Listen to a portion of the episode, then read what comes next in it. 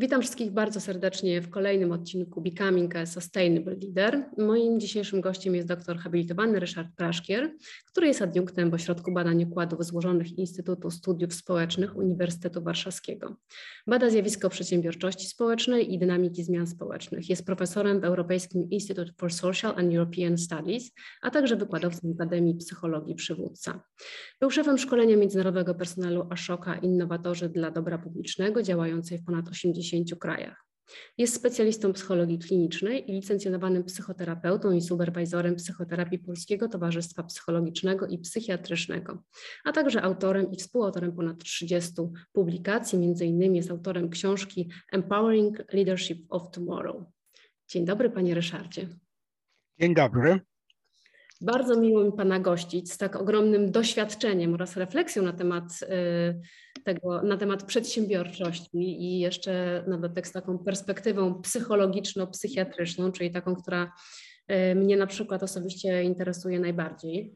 Mm, takie pierwsze pytanie, które trochę stanowi taki fundament do tej rozmowy, chciałabym wiedzieć, czym dla Pana tak naprawdę, jaka jest definicja taka Pana osobista y, przywództwa?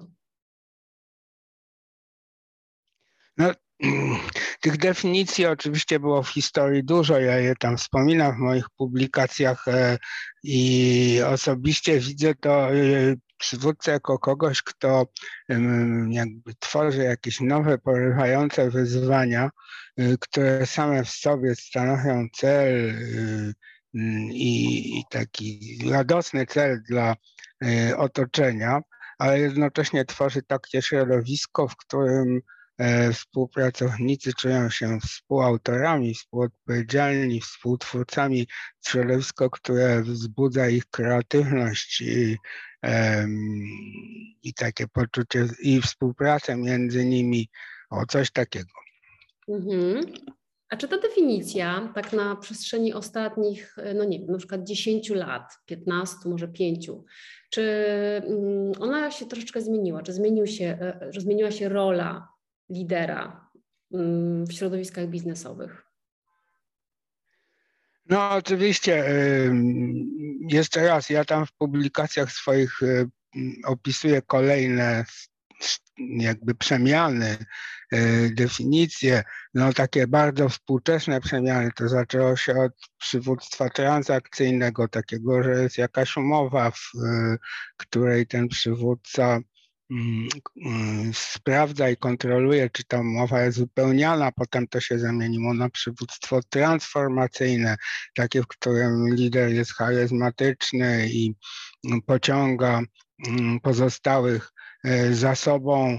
E, a e, potem były różne turkusowe inne pomysły, o nich nie wspominam tak bardzo, bo, bo to nie ma jakiejś dobrej definicji naukowej tego, ale ja z kolei zaproponowałem pojęcie przywództwa y, umacniającego, to jest empowering leadership, właśnie takiego, które no obecnie chyba jest naj, w, najczęściej stosowane w tych nowoczesnych firmach, w, w Dolinie Krzemowej na przykład. Więc to jest bardziej taki przywódca, który tworzy pewne środowisko nie to, że oddziałuje bezpośrednio na podwładnych, tylko on bardziej koncentruje się na tworzeniu takiego środowiska, którym, e, które wzbudza jak największe zaangażowanie i kreatywność, lojalność e, współpracowników. E, I bardzo często ten przywódca nowoczesny wcale nie musi być na scenie. On, on jest zadowolony, kiedy odpala taki proces można nawet powiedzieć, nazwać go mm, autokatalityczny, czyli taki samozapłonowy, że, że ludzie łapią ogień, łapią blusa sami, różne rzeczy sami robią, bardziej niż ten przywódca lata od jednego do drugiego i pociąga i kontroluje i tak dalej. No i e, to jest to pytanie oczywiście, jak do tego doprowadzić, żeby stworzyć to takie samozapłonowe środowisko. No. To jest właśnie moje kolejne pytanie. Jak to zrobić? No to jest kilka ścieżek. takie różne były na ten temat badania, różne doświadczenia. No, po pierwsze, wzbudzać kreatywność. To jest możliwe. To nie jest tak, że, bo wszyscy mówią o kreatywności, to jest jakaś wartość, natomiast nikt tak naprawdę nie mówi, jak można to zwiększać jak wzbudzać.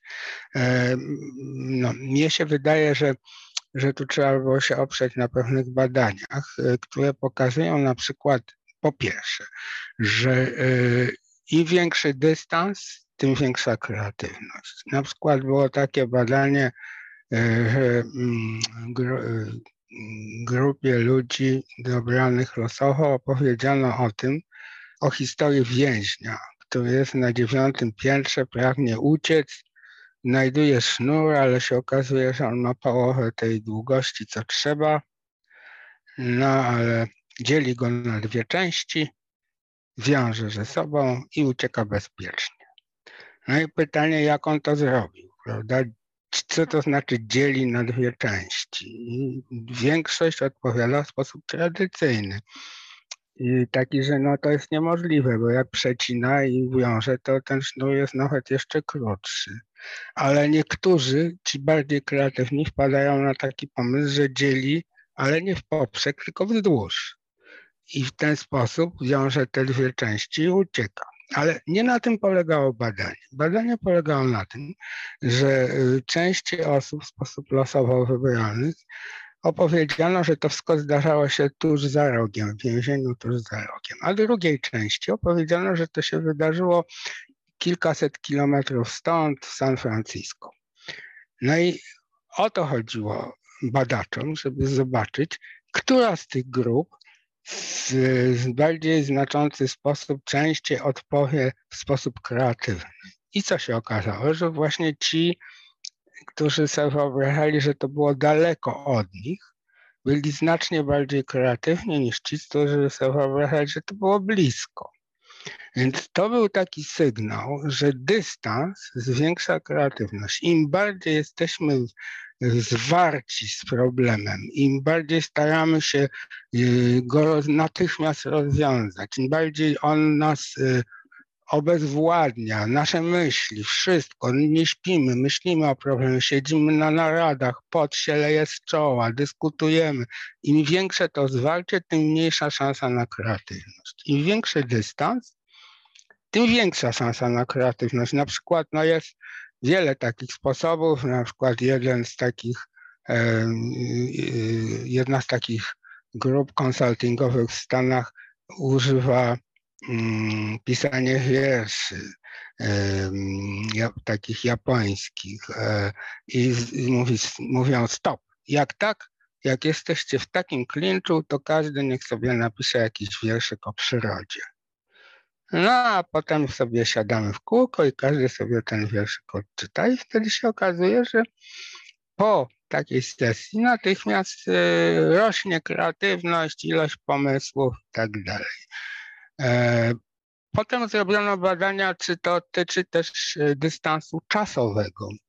No i się okazało, że też, no po prostu dano takie różne łamigłówki do rozwiązania y, różnym ludziom i część z nich była, wymagała myślenia dywergencyjnego, czyli takiego, które kreuje zupełnie zaskakujące połączenia, a część takiego konwersyjnego, takiego no, normalnego no, rozwiązać y, zadanie matematyczne. No i tak, jednej grupie powiedziano, żeby to zrobili, a drugiej grupie powiedziano, że niech sobie wyobrażam, że oni to robią za 10 lat i też, żeby to zrobili. No i się okazało, że ta gru pierwsza grupa jest lepsza, jeżeli chodzi o rozwiązania konwersyjne, o myślenie konwergencyjne, takie zwykłe, takie logiczne, a od A do B dodać, odjąć, podzielić. Natomiast e, ta e, grupa, która myślała, że robi to za 10 lat, była znacznie lepsza w myśleniu dywergencyjnym, takim właśnie, które łączy różne niespodziewane zjawiska w jedną jakąś funkcjonalną, zaskakującą całość. E, to ten dystans można wzbudzać też na inne sposoby. No, na przykład za pomocą różnych takich rzeczy jak taniec, powiedzmy. Ja czasami proponuję, jak jest jakiś klincz, zaparcie, jakimś zmaganie się z problemem, żeby spróbować ten problem zatańczyć. To wszyscy się dziwią, ale można stworzyć taką choreografię, która potrafi uchwycić te najistotniejsze elementy interakcji międzyludzkiej i zamienić to po prostu w autentyczny taniec. Y, że ktoś do kogoś wychodzi z propozycją, no to to jest taki ruch, a ktoś inny odpowiada, że nie, to jest taki ruch. I oni ze sobą to tańczą przed wszystkimi, zapętlają to, grupa nadaje rytm i okazuje się, że taki taniec, on często najczęściej jest wykonywany przez kilka osób zaangażowanych w pewną interakcję, która buksuje. Jak oni tą interakcję zatańczą, to i pierwsze, po pierwsze wszyscy się śmieją, po drugie to jest e, takie wglądowe, namacalne przeżycie pewnych y, bloków. Zamiast o nich gadać, to można je przeżyć i potem wszyscy się śmieją, jacy my głupi jesteśmy, że w ogóle żeśmy wpadli w ten, w ten, ten schemat. No też metafory działają, można metaforyzować różne sytuacje, e, no, na przykład e, mm, dwóch w jednym takim zespole, gdzie się dwóch, dwie osoby były od dawna skłócone i cały ten zespół buksował, bo się dzielili na zwolenników jednego, drugiego, to w ogóle hamowało interakcję, to, e, to ja powiedziałem, dobrze, nie wychodzi nam w zwykły sposób, to ja wam opowiem taką historię że idzie sobie dwóch mnichów buddyjskich do klasztoru, studentów mm, buddyjskich i widzą, że przed nimi jest błoto, a nad błotem stoi piękna młoda dziewczyna i się boi przejść. Jeden z nich wziął tą dziewczynę na rękę, przeniósł na drugą stronę Idą dalej i ten drugi staje się czerwony, napięty, w którymś momencie wybucha. Słuchaj, jak mogłeś, wziąłeś nieczystą, w kobietę, przecież będziesz miał nieczyste myśli. A ten pierwszy mówi do tego drugiego, słuchaj, ja ją przeniosłem przez błoto, a ty ją nosisz cały czas. No i się wszyscy zaczęli śmiać. No, no tak, i w zasadzie padli sobie w ramiona i cała sprawa rozwiązana. Także y, ta metaforyzacja zresztą jest y, dość powszechnie stosowana jest w wiele sposób. Niektórzy na przykład metaforyzują sytuację post do, do, postaci wojny, inni metaforyzują zwierzęta, a jeszcze inni jest taka metafora niebieskiego i czerwonego oceanu. Czerwony to jest pełen rywalizacji, a niebieski to jest taki, że robisz swoje i nie patrzysz na innych i tak dalej, i tak dalej. Więc to jest, także jest wiele takich sposobów e, na zwiększanie dystansu e, i poprzez to na zwiększanie kreatywności. Inny sposób to jest, są tworzenie mm, jak największej ilości y, połączeń horyzontalnych albo wertykalnych. To znaczy, tu mówimy trochę o teorii sieci, że y, zwykle, y, znaczy nie wertykalnych, tylko diagonalnych, przepraszam. Zwykle są one wertykalne, czyli od szefa w dół, aż przez całą hierarchię i w górę, od najwyższego do raporty do, do szefa. Natomiast okazało się w różnych eksperymentach, a zresztą opowiem może jak to się zaczęło, że najbardziej twórcze, wzbudzające kreatywność są połączenia horyzontalne i diagonalne. To znaczy horyzontalne to znaczy, że zwykli czy jacyś pracownicy średniego, niższego szczebla, wyższego z jednego działu kontaktują się z kimś z, in, z zupełnie innego działu, nie z, nieznanymi sobie osobami z innego działu tej firmy. A zresztą potem się okazało, że nie tylko tej firmy. Ale mm, kontynuując, że y, że te mm, interakcje w dotychczasowych zespołach się wysyciły, jakby niewiele więcej można sobie powiedzieć, zainspirować. Natomiast w momencie, kiedy się spotyka y, kogoś z zupełnie innego działu, się okazuje, że te doświadczenia są nawzajem nowe i nawzajem inspirujące. A to się wszystko zaczęło od tego, że były dwie firmy farmaceutyczne, jedna amerykańska, American Pharma, a druga francuska, a to już nie wiem jak się wymawia, bo nie znam, Paris Jussier czy coś takiego. One były bardzo podobne mm, każdym względem, tyle że ta amerykańska miała świetnie zorganizowane wszystko i te tabele, takie wykresy, kto od kogo zależy, strzałeczki, zależności, eksperci, no w ogóle super, ale dołowała, pikowała w dół na rynku. Natomiast ta francuska była w totalnym chaosie, i niesamowicie rosły publikacje, patenty, była niezwykle twórcza. No to się badacze zainteresowali, co tak naprawdę się dzieje, czy to sprzeczy zdrowemu rozsądkowi. No się okazało, że ta francuska firma przechodzi okres remontu ścian, bo wyjmują azbest ze ścian, w związku z czym przemieszczają pracowników do różnych przypadkowych miejsc i tam się spotykają z różnymi przypadkowymi pracownikami z innych działów. I to tak bardzo wpływa na inspirację, na wza wzajemną, że oni e, no, się i mówią, zielony boskie, to fajnie, to może napiszemy razem artykuł, a to świetny pomysł, to zróbmy coś razem, a to przecież można tak. I te inspiracje y, przypadkowe, random y, connections się okazały niezwykle twórcze. I co za tym idzie, e, wielkie firmy Google i Facebook i inne zaczęły tworzyć takie środowiska, które wręcz zachęcają do przypadkowej komunikacji osób przypadkowo spotkanych. Na przykład coraz powszechniejszym jest w Stanach taki syndrom maszyny kawowej, Coffee Machine Syndrome, polegający na tym, że firma zamiast kuchenki z boku gdzieś, zamiast tego, że sobie robi facet kawę czy kobieta i w kubeczku i po cichu przenosi do siebie, żeby szef nie widział, że za dużo czasu tam spędza przy kawie, to robią kawiarkę na środku firmy, otoczoną wygodnymi fotelami i płacą pracownikom i ich zachęcają, żeby sobie siedzieli wygodnie i sobie gadali o czym chcą, z kimkolwiek tam nie przyjdzie. Bo co się okazuje, że te rozmowy przypadkowe przy kawiarce niezwykle stymulują kreatywność pracowników. Przecież oni tego nie robią na piękne oczy. Nie robią dla zasady, dlatego, żeby ludziom było wygodnie, tylko robią dla zysku. To się wyraża w dolarach. Coffee Machine Syndrome, czyli symulowanie przestrzeni do przypadkowych spotkań, po prostu jest bardziej efektywne, bo ludzie są bardziej twórczy, oddani, lojalni i tak dalej.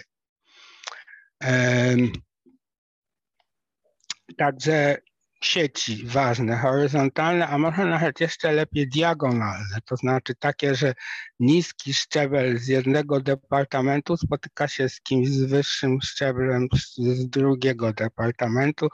Zresztą po to poszło znacznie dalej. E, zrobiono takie eksperymenty, że na jednej przestrzeni są studenci i firma komercyjna. I po prostu się okazało, że najpierw patrzą na siebie wilkiem, jak, jak w ogóle jakieś dziwne zwierzę, ci, ci biznesmeni na studentów, że dziwne, długie włosy, jakiś dziwny język slangowy i nawzajem, e, że studenci na tamtych, że nerdzi i tak. No a się potem okazało, że oni się tak niezwykle inspirują swoimi punktami widzenia kompletnie innymi, że to się opłaca jednym i drugim. No, e, to nie wszystko, ale nie wiem, bo ja się tak rozgadałem. Czy to o to chodzi? Absolutnie. Zapytałam się, jak się tworzy to środowisko. E, I, Słucham? E, absolutnie tak. Mówię, że zaczęliśmy, zapytałam o to, jak się tworzy to środowisko, które właśnie tak. Mhm. I, mhm.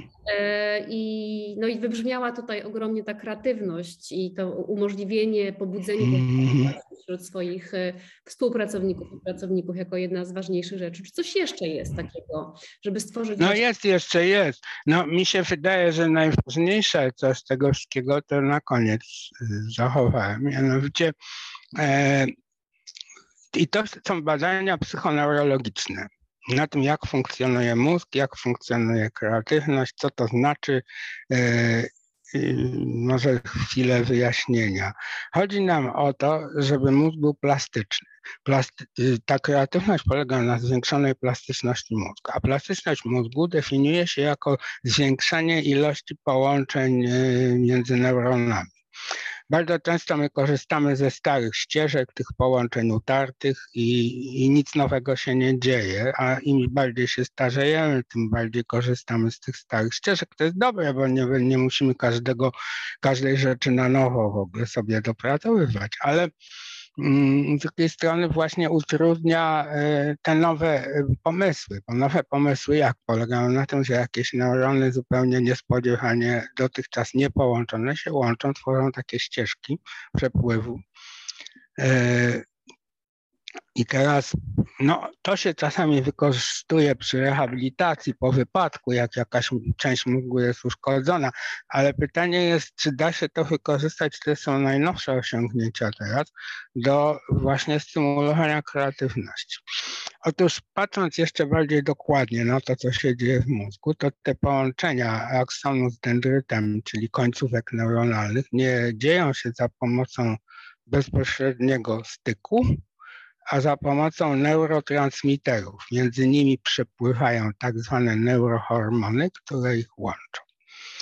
Te neurohormony to jest na przykład dopamina mm, czy inne takie, które mm, mm, endorfina powiedzmy i wiele innych, które powodują radość zadowolenie. No, endorfina bardziej takie wybuchy radości, szczęścia, a dopamina no takie stałe poczucie zadowolenia. I teraz okazuje się, że to się zapętla. Im więcej jest takich połączeń, tym więcej do tego trzeba tych tych między innymi, bo są jeszcze inne, neurotransmiterów, ale te neurotransmitery to po, powiększają naszą radochę, dlatego ludzie kreatywni, jak mówią o, o sobie, a były takie wywiady prowadzone, mówią o takim poczuciu radości i szczęścia, jak właśnie wymyślają jakiś pomysł.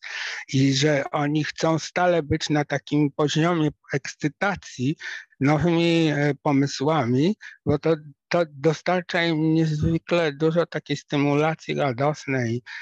Ale dlaczego? Dlatego, że działa ta endorfinka i, i dopaminka i jeszcze inne.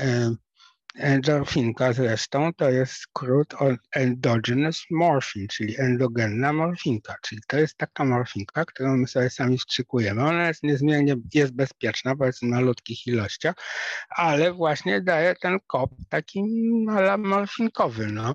I z drugiej strony okazuje się, że sama radość, radosne środowisko z kolei stymuluje neurogenetyczne takie zdolności do generowania zarówno nowych komórek nerwowych mózgu, o tym dawniej nie wiedziano. Myślano, że ten mózg jest już po, powyżej tam 20 roku dany, a teraz nie się okazuje, że można te, ten neurony y, produkować. A druga rzecz, że właśnie ta zwiększona ilość tej dopaminki, endorfinki, serotoninki i tak dalej.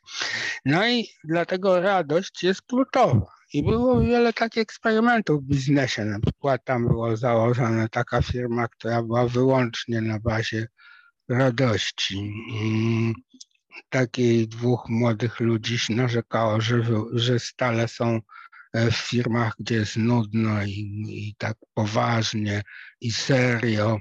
Mm, a się okazało, że y, że i oni chcą założyć własną firmę, sobie postanowili, gdzie jednym, jedynym paradygmatem będzie radość. No i założyli. E, on się nazywa ten główny Denis Backe i założyli firmę, która się nazywa AES, AES, jest na Fortune 200, ma 40 tysięcy pracowników w 31 krajach, dochód 8 miliardów, 6 y, mm, dolarów rocznie. E, I jedynym paradygmatem tej firmy jest Joy. On napisał zresztą książkę, można do niej sięgnąć, Joy at Work radość w pracy i tę radość w pracy y, on, on mówi, że to tylko te sukcesy firmy są dzięki tej radości w pracy. E, a jak pani myśli, czy pani wie, jak powstał Uber? Mm, Uber. Mm, nie znam dokładnie historii, ale myślę, że pewnie z jakiejś i potrzeby, no i z jakiegoś y, y, potrzeby kreatywności również. Czy była tam też No dokładnie. No w każdym razie nie z tego, że siedzieli faceci w biurze i naradzali się przy stole, rysowali plansze, potem ściekał z czoła i się kłócili i nie mogli spać, bo nie mogli tego rozwiązać, tylko odwrotnie. Grupa Amerykanów sobie pojechała do Paryża, całą noc balowali, owszem, pili sobie, pyszne francuskie winko. No i się okazało w którymś momencie, że nie, nie mogą, jak już skończyli, złapać taksówki. No i w związku z tym sobie usiedli, Boże, no to może by tak zrobić coś z aplikacją, może by moja komórka mogła ściągnąć taksówkę. I tak, i się zapalili i z tego powstała koncepcja aplikacji, która zresztą jest używana teraz przez wiele innych firm, sam, mm, sam mam wątpliwości co do Ubera i jego uczciwości, bo mm, dumpinguje ceny, nie, nie muszą ci kierowcy przechodzić egzaminów, które przechodzą normalnie kierowcy i tak dalej, ale już inne firmy, Free Now w Polsce, czy iTaxi, używają już tego paradygmatu, a to zostało wymyślone w radości, w zabawie, w chichocie. No Facebook tak samo, no przecież Zuckerberg y, opowiada, tam jest jego gdzieś na sieci można znaleźć, że ten pierwszy pomysł Face Mash, poprzednik Facebooka, powstał w ten sposób, że oni sobie balowali całą noc w akademiku no i tu już macie zaczęli klikać i to powstało. E, także e, jest bardzo dużo takich przykładów sprzeczących z takim obiegowym pojęciu, że kreatywność i efektywność firm zależy od ciężkiej, mozolnej pracy, od niezostawiania problemów na boku, od natychmiastowego mierzenia się z nimi, od zmagania, od jakiejś strasznej siły. E, firmy, które e, są właśnie tak, tak jak tworzą środowisko, pełne radości, pełne wzajemnej wymiany, kontaktów, e, jakichś takich, jak mówiłem, niespodziewanych, random, przypadkowych, to sprzyja temu, mm, po, temu, że mózg właśnie zaczyna pracować w taki sposób dywergencyjny. Dam Pani przykład takiego myślenia, bo może dobrze by było to jakoś tam lepiej zrozumieć. E, bo ja jeżdżę po świecie w poszukiwaniu innowatorów społecznych. No i, e, i we wszystkich tych przypadkach głównie chodzi mi o takich, którzy, którzy są w beznadziejnych środowiskach, e, nie mają żadnych grantów, jak u nas z Unii Europejskiej na przykład, mm, czy coś. Po prostu nie mają nic, nie ma nic, jest nędza, bida. No na przykład ostatnio byłem w Kolumbii i tam rozmawiałem z taką panią Olgą Bociarejo ze slumsów, kompletnych, takich najbiedniejszych z możliwych. E, I ona zawsze tam się urodziła i mieszkała i, i zawsze cierpiała, że, doros, że dzieci bogaczy mają dużo jedzenia, a ona, one nie, te dzieci z jej slumsów a pracowała sama jako sprzątaczka od dziecka u bogatych. Y, tam widziała, jakie mają jedzenie, jakie mają suplementy diety. No i ona, mm, i też była takim samoukiem, nauczyła się czytać, sięgała do biblioteczki swoich pracodawców. No, a obok tych slumsów była piękna, czysta, śniąca ulica pełna banków nowoczesnych. Ale to były światy nieprzenikalne, kompletnie. Jeden z drugim nigdy się nie przenikał. Pomysł Olgi, który nagle wpadł do głowy, i też opowiada, że w jakimś takim radosnym uniesieniu, bo sięgnęła po książkę o bankach do y, biblioteczki pracodawców, to się zapaliła i sobie pomyślała, Boże, przecież taki bank mógłby być u nas, taki śliczny, lśniący, z tymi urzędnikami w krawacikach, z kartami kredytowymi, ale przecież oni nie mają pieniędzy. No tak, ale mają śmieci. No dobrze, no to niech ten bank zamiast śmieci ma mm, zamiast pieniędzy obraca odpadami. No i wymyśliła cały system. Faktycznie stworzyła w tym, tym całym brudnym, zapuszczonym środowisku piękny, śniący bank, gdzie dzieci głównie, ale też i dorośli przynosili odpady. Te odpady oni sprzedawali fabrykom do recyklingu i zarabiali na tym, a ludzie dostawali w zamian karty kredytowe i konto, na którym były punkty za te odpady. Z tą kartą szli do sklepu obok i dostawali jedzenie. W związku z czym okazało się, że problem głodu u dzieci zniknął kompletnie. Dodała edukację dla dzieci z ekonomii, dodała pożyczki, jak ktoś e, chce się zabezpieczyć, wie, że kobieta na przykład za kilka miesięcy urodzi, no to e, bierze sobie ubezpieczenie na ten czas, kiedy dziecko jest małe, a potem i to ubezpieczenie buduje sobie większą ilością tego, tych odpadów, albo pożyczkę można wziąć i spłacić odpadami. Bank jak bank, czyli to myślenie dywergencyjne polegało na połączeniu odległych, nieprzystających do siebie zjawisk, głodu i nędzy w slumsach z pięknym, czystym bankiem. Bach! W jedną funkcjonalną całość. To jest to, o czym właśnie mówimy, jak takie środowisko stworzyć w miejscu pracy. No i właśnie ten nowoczesny lider, o którego mnie pani pyta, to nie jest taki, co pcha, popycha, ciągnie, nie jest też charyzmatyczny, to, czyli to nie jest też y, przywództwo transformacyjne bo nie, nie, chodzi o to, żeby jak owsiak ze sceny zaśpiewał, zatańczył, bo owsiak jest jeden, jak go nie ma, to to wszystko ucicha. Chodzi o to, żeby odpalić taki proces, takie środowisko stworzyć, które samo stymuluje w sposób taki autokatalityczny, samozapłonowy działalność ludzi. No to no tyle, to można jeszcze dużo, dużo mówić i opowiadać i samemu można wymyślać różne sposoby, ale te bazowe takie ścieżki myślenia na ten temat to już Pani przekazałem. Mhm. E, ciekawi mnie to, co powiedział Pan jeszcze wcześniej o tym, że ten e, lider, o którym Pan mówi, bardzo często tak naprawdę to nie jest taki lider statusowy, czyli to nie jest osoba, która jest naznaczona, jest gdzieś wyżej w hierarchii, tylko bardzo często są to osoby, które właśnie są tymi takimi katalizatorami zmiany i spójności mm-hmm. grupy. No ja się cały czas zastanawiam, no bo rozumiem tą, rzeczywiście tą stymulację kreatywności, pewnie oddanie pewnego rodzaju wolności, to jest rolą takiego lidera, ale co jeszcze? No bo mm, czy, czy, czy jakby jest tam jeszcze e, na przykład, czy są elementy jednak kontroli, wyznaczania celu, czy jakiejś e, strategii? Czy to jest bardziej takie towarzyszenie, czy jednak menadżowanie tego zespołu? Jak by Pan to mm, opisał? No pani, pani wraca do starych, utartych ścieżek myślenia, e, że musi być menadżerowanie czy coś. To jest tworzenie środowiska, z najmożliwie najprostszymi regułami, które samo się rozwija.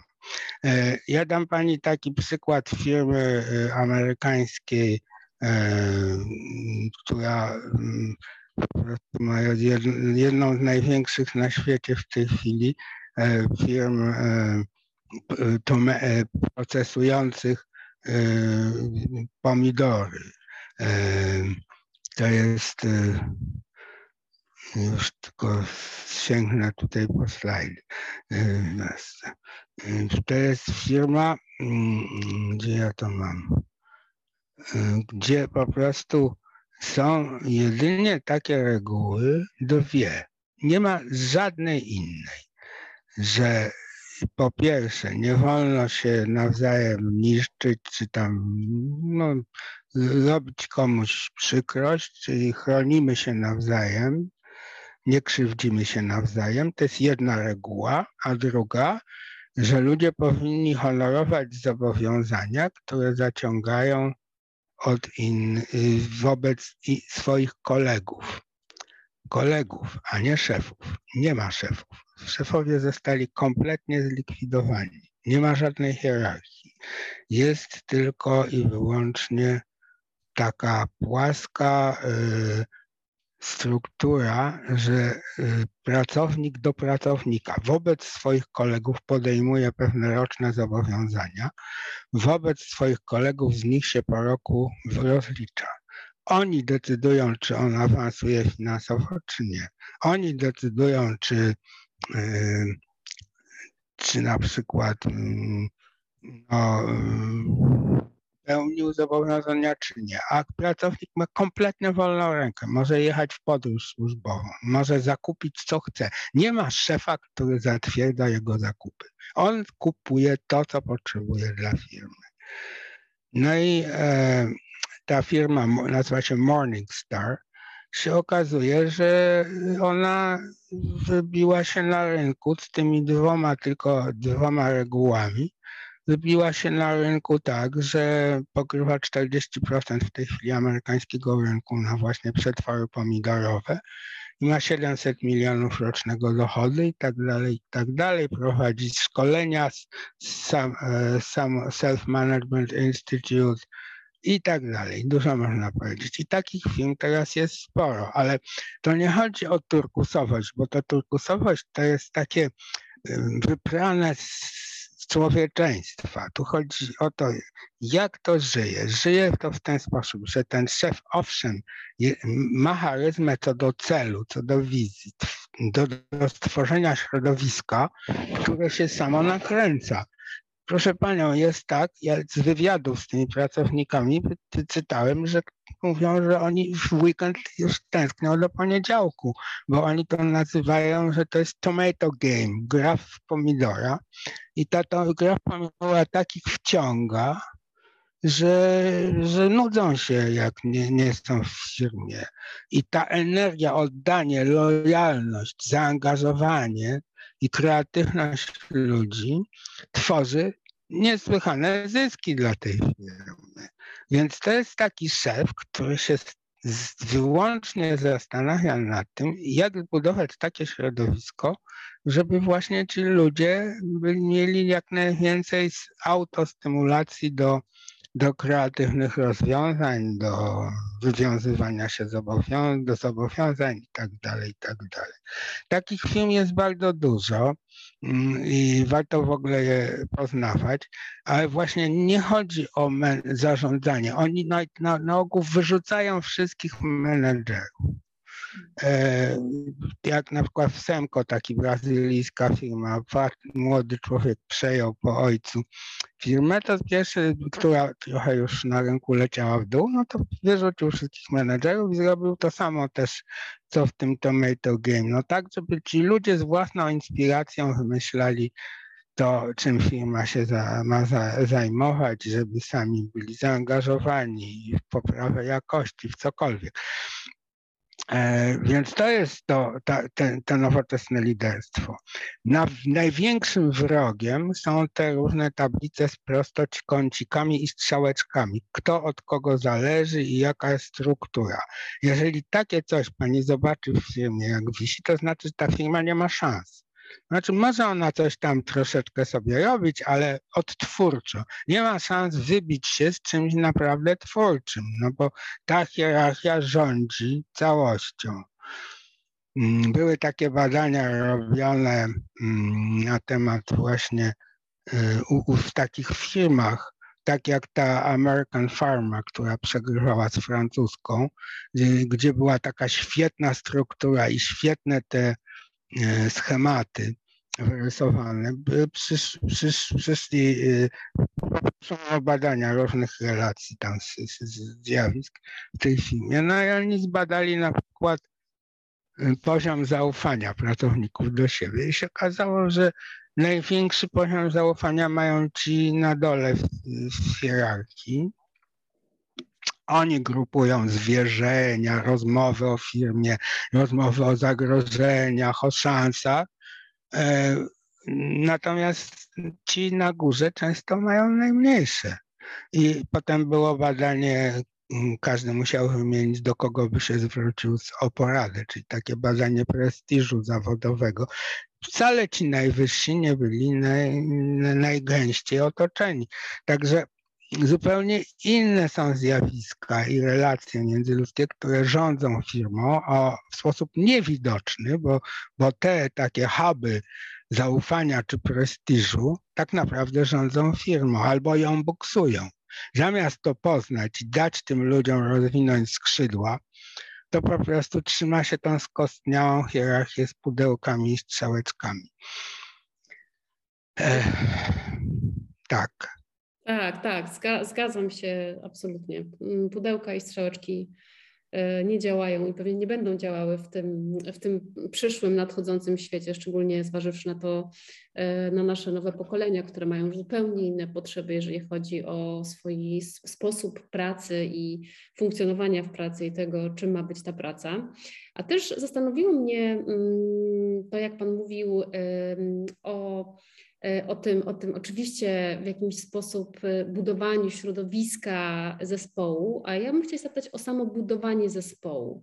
Czy to w ogóle ma znaczenie? Czy tak naprawdę to środowisko jest w stanie zagospodarować e, każdy potencjał i wynieść i zbudować taką kompozycję zespołową, że rzeczywiście ten efekt będzie w jakiś sposób osiągnięty przez firmę?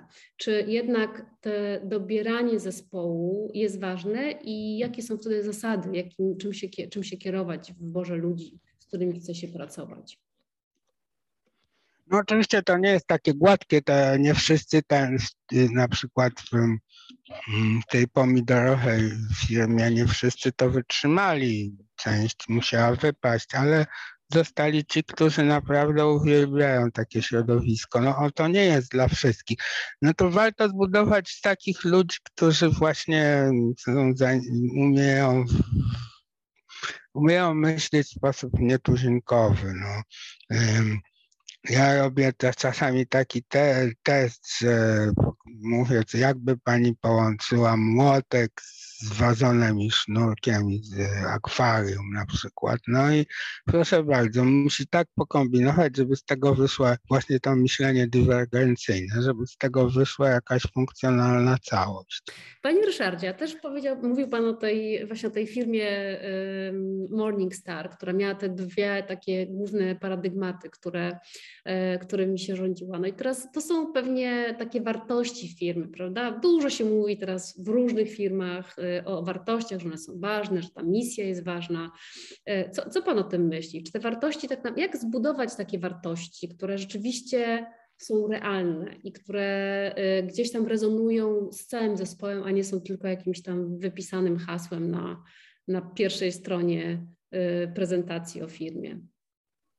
No wie Pan, to, to na pewno jest klucz, bo ten lider, który pociąga za sobą poprzez tworzenie takiego środowiska. Ja mówiłem na początku, on musi mieć y, jakąś wizję, która spaja tych ludzi ta tomato game, prawda? To jest nie tylko te dwie zasady, ale też ta wizja tego lidera, że, że my stworzymy właśnie takie środowisko, które da nam satysfakcję i zadowolenie i pieniądze, ale też i po prostu pokaże, pokażemy, że na tym rynku potrafimy sobie poradzić amerykańskim. No i ta, ta wizja jest niezmiernie ważna.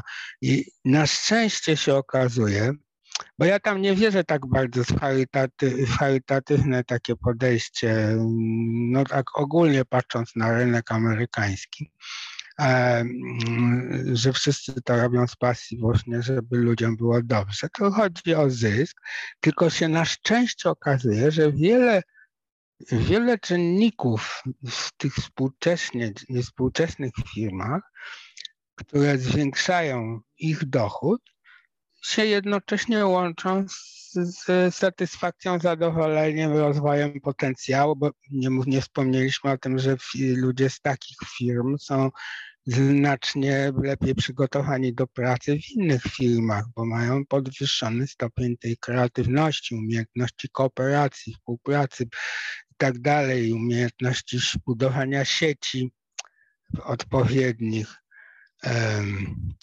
No i właśnie to jest y, no, całe zagadnienie, może już na tym będę powoli kończył, że polega na tym, żeby wykorzystać e, paradygmat układów złożonych. Układy złożone to są, definicja jest taka, że to są układy, gdzie są interakcje elementów na, na, na dolnym poziomie. One są swobodne, niekontrolowalne i ta interakcja różne sprzężenia zwrotne powodują, że nagle powstają jakieś struktury na wyższym poziomie.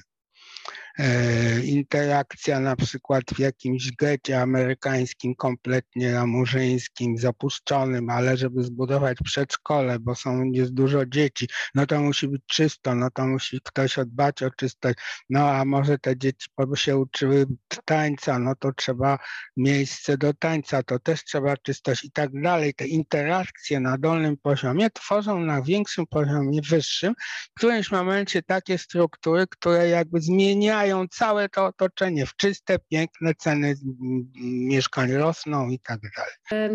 Jeszcze tak myślę coraz o tym liderze, wracając tak do, do niego y, już tak całkiem osobniczo.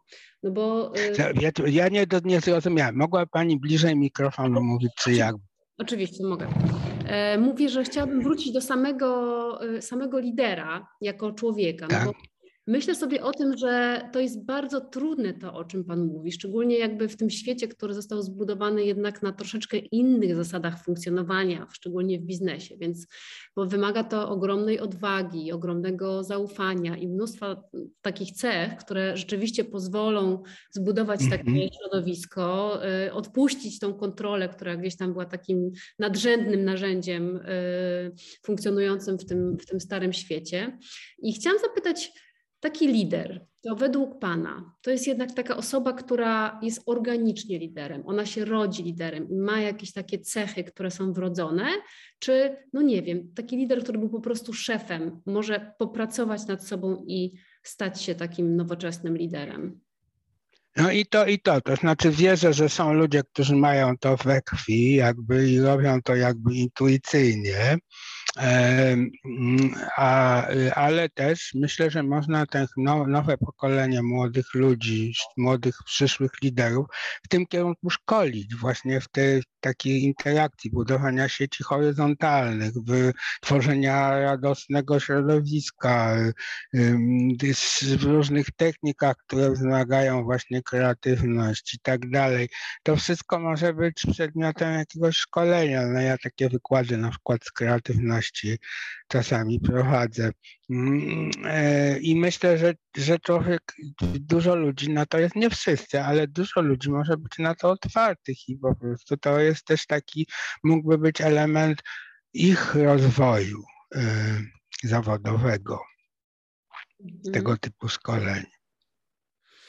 A jakie byłyby według Pana takie trzy cechy właśnie takiego lidera, o którym rozmawiamy? Pierwsza to jest taka, że to jest umiejętność łączenia sprzeczności w jednym w, naraz. To się nazywa paradox mindset albo Janusian thinking, czyli myślenie tak jak y, stary rzymski Bóg Janus patrzył naraz na dwie strony świata, to to myślenie janusowe polega na tym, że nie jest tak, że jedno tylko jest słuszne, a resztę wyrzucamy, tak jak kiedyś taki mechanizm redukcji dysonansu poznawczego Festingera funkcjonował w tej chwili widzicie, że to jest duża radość, jak naraz iskrzą dwie sprzeczne rzeczy w mózgu i stymulują jakby nowe rozwiązania. To jest też coś takiego jak mm, poczucie, mm, że da się zrobić. Ja stworzyłem takie w ogóle całe pojęcie i, i narzędzia badawcze do, do mierzenia poziomów, w jaki ludzie mają poczucie, że trudne wyzwania są wykonalne. I można to mierzyć teraz dzięki temu mojemu kwestionariuszowi. To jest taka druga cecha. Mm, trzecia cecha to jest tendencja do budowania wokół siebie i możliwości budowania kapitału społecznego. Też mam taki kwestionariusz. Jak na ile właśnie bud, bud, nie to, że że y, kapitał społeczny jest ważny, bo jest ważny, czyli zaufanie i współpraca, ale na ile ludzie są gotowi do jego budowania i tak dalej. Także takie cechy są. Choć mm, zwykle jak pani o to pyta, to na pewno pani chodzi o jakieś takie klasyczne odpowiedzi, a ja mam zupełnie poza klasycznymi. Cieszę się, że mogłem porozmawiać, komuś opowiedzieć o tym wszystkim. To ja bardzo dziękuję za tą e, fantastyczną wizję tak naprawdę leadershipu. Cały czas słuchając Pana miałam takie poczucie, że e, byłoby wspaniale, gdyby to było e, realistyczne w takim większym wymiarze niż jest, niż, niż jest w tej chwili, gdyby te nasze kolejne pokolenia rzeczywiście funkcjonowały w ten sposób, Właśnie. na tej swojej kreatywności, wolności, zaufaniu i, i po prostu mhm. robienia tego. Więc bardzo dziękuję. Ja dziękuję, życzę powodzenia. Do widzenia. Do widzenia.